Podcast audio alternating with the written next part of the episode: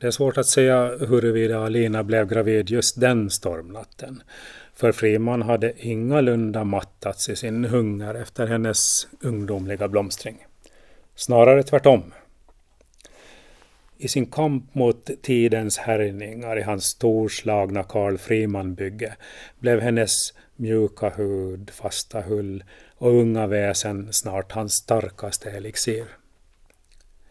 Där hans inflytande över kvinnorna ibland numera kunde svikta så att deras återspegling inte blev fullgod gav Alinas kropp en kompensation som räckte ett tag. Att därtill kom ett behov av handfast agerande innan hon vågade ge sig hän störde honom till en början, men han vande sig. Ungdomen behövde ibland bestämd vägledning och hon skulle väl mogna ifrån sin lilla protest. När han väl fått henne under sig brukade hon ju kunna tina upp och våga släppa fram en del av sitt kärleksfulla väsen. Det var utan tvekan Ida som höll henne tillbaka med sin svartsjuka och sitt nedsvärtande av ungdomlig kärlek. Han måste nog börja ge av sig själv mera rättvist så att även Ida fick sitt och kunde känna sig uppskattad och tillfreds. När hon själv var lycklig skulle hon väl ha lättare att unna sin dotter lite glädje. Men även utanför sina hemöar började Karl dra nytta av metoden att kompensera med kraft där charmen inte längre bar hela vägen. Det var dock inte riskfritt.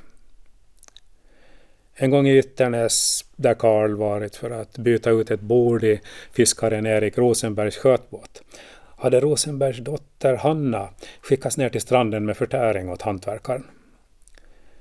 Hon hade då varit en 13-åring som inför hans ögon hade glänst som en kastanjeknopp i början av maj månad och han hade inbjudit henne att dela måltiden. Snart hade han också fått henne med i lek och glam och skämtsam kurtis men även tvingats inse att flickan inte riktigt förstått dess mening. Kroppsligt hade denna knopp varit mogen att spricka ut i full prunkande kvinnlighet men hon hade ännu lekt på ett barns vis. Flickfnissande och smäll på händerna var vad dubbeltorparen hade beståtts när han mera seriöst velat visa sin uppskattning för hennes fägring. Vackert tal hade burit föga frukt. För en stund hade han nästan låtit sig tyngas av tankar kring en falnande friman, eh, men då hade kraften runnit till den fysiska styrkan som ännu stod bi under hans något rynkiga och leverfläckade hud. Han hade precis fått flickan stadigt förankrad på rygg och börjat lätta på hennes klädsel då Erik Rosenbergs stämma skurit genom det sommarfagra landskapet.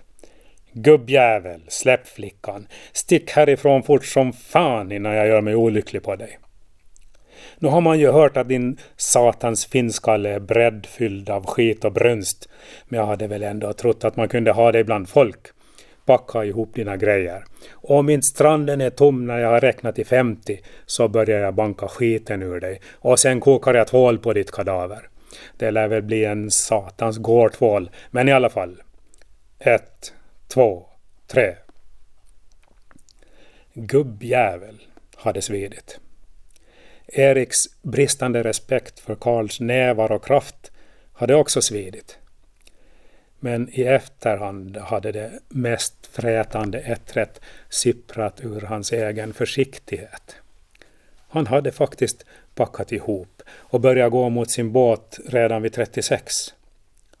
Inte ett ord hade han yttrat, för det hade stått klart att minsta rätning skulle ha kunnat spräcka Eriks hårt spända självbehärskning och sätta fart på den tunga rorkult han hade tagit i näven som tillhygge.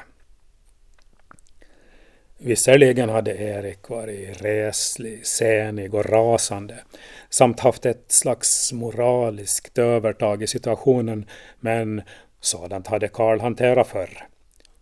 Ett överraskande anfall med lämpligt tillhygge hade vid flera tidigare tillfällen balanserat upp hotet från kraft och rättskänsla.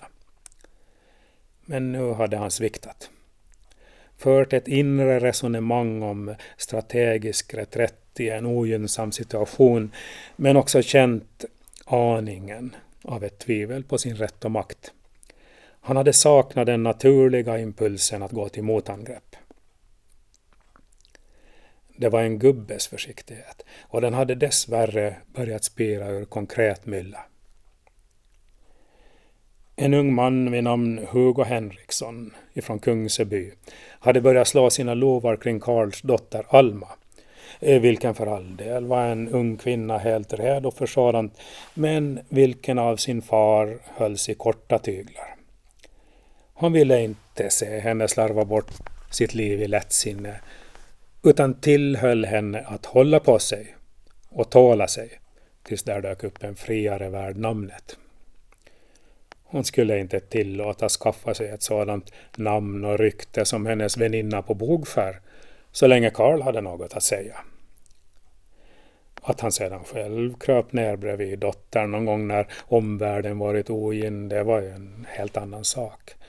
Hon skulle ju inte lämnas helt okunnig och suktande bara för att hon gett prov på förnuft och moralisk styrka.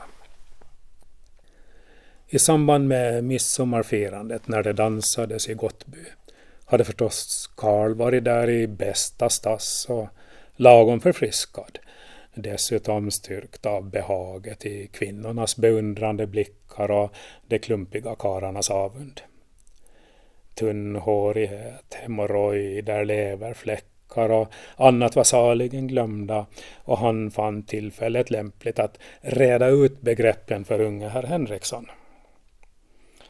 Hör du, min unge vän, tilltalade Karl honom med lagom nedlåtande vänlighet, där Hugo stod i en grupp ungdomar, vilka Karl kände igen som skötsamma och duktiga människor. Ett lämpligt auditorium till den lilla uppvisning i vältalighet och pondus som han ämnade bestå friaren i fråga. Det var ju trevligt att se att jag tagit ditt förnuft i fånga och är ute och fröjdas bland jäntor mera på din egen nivå.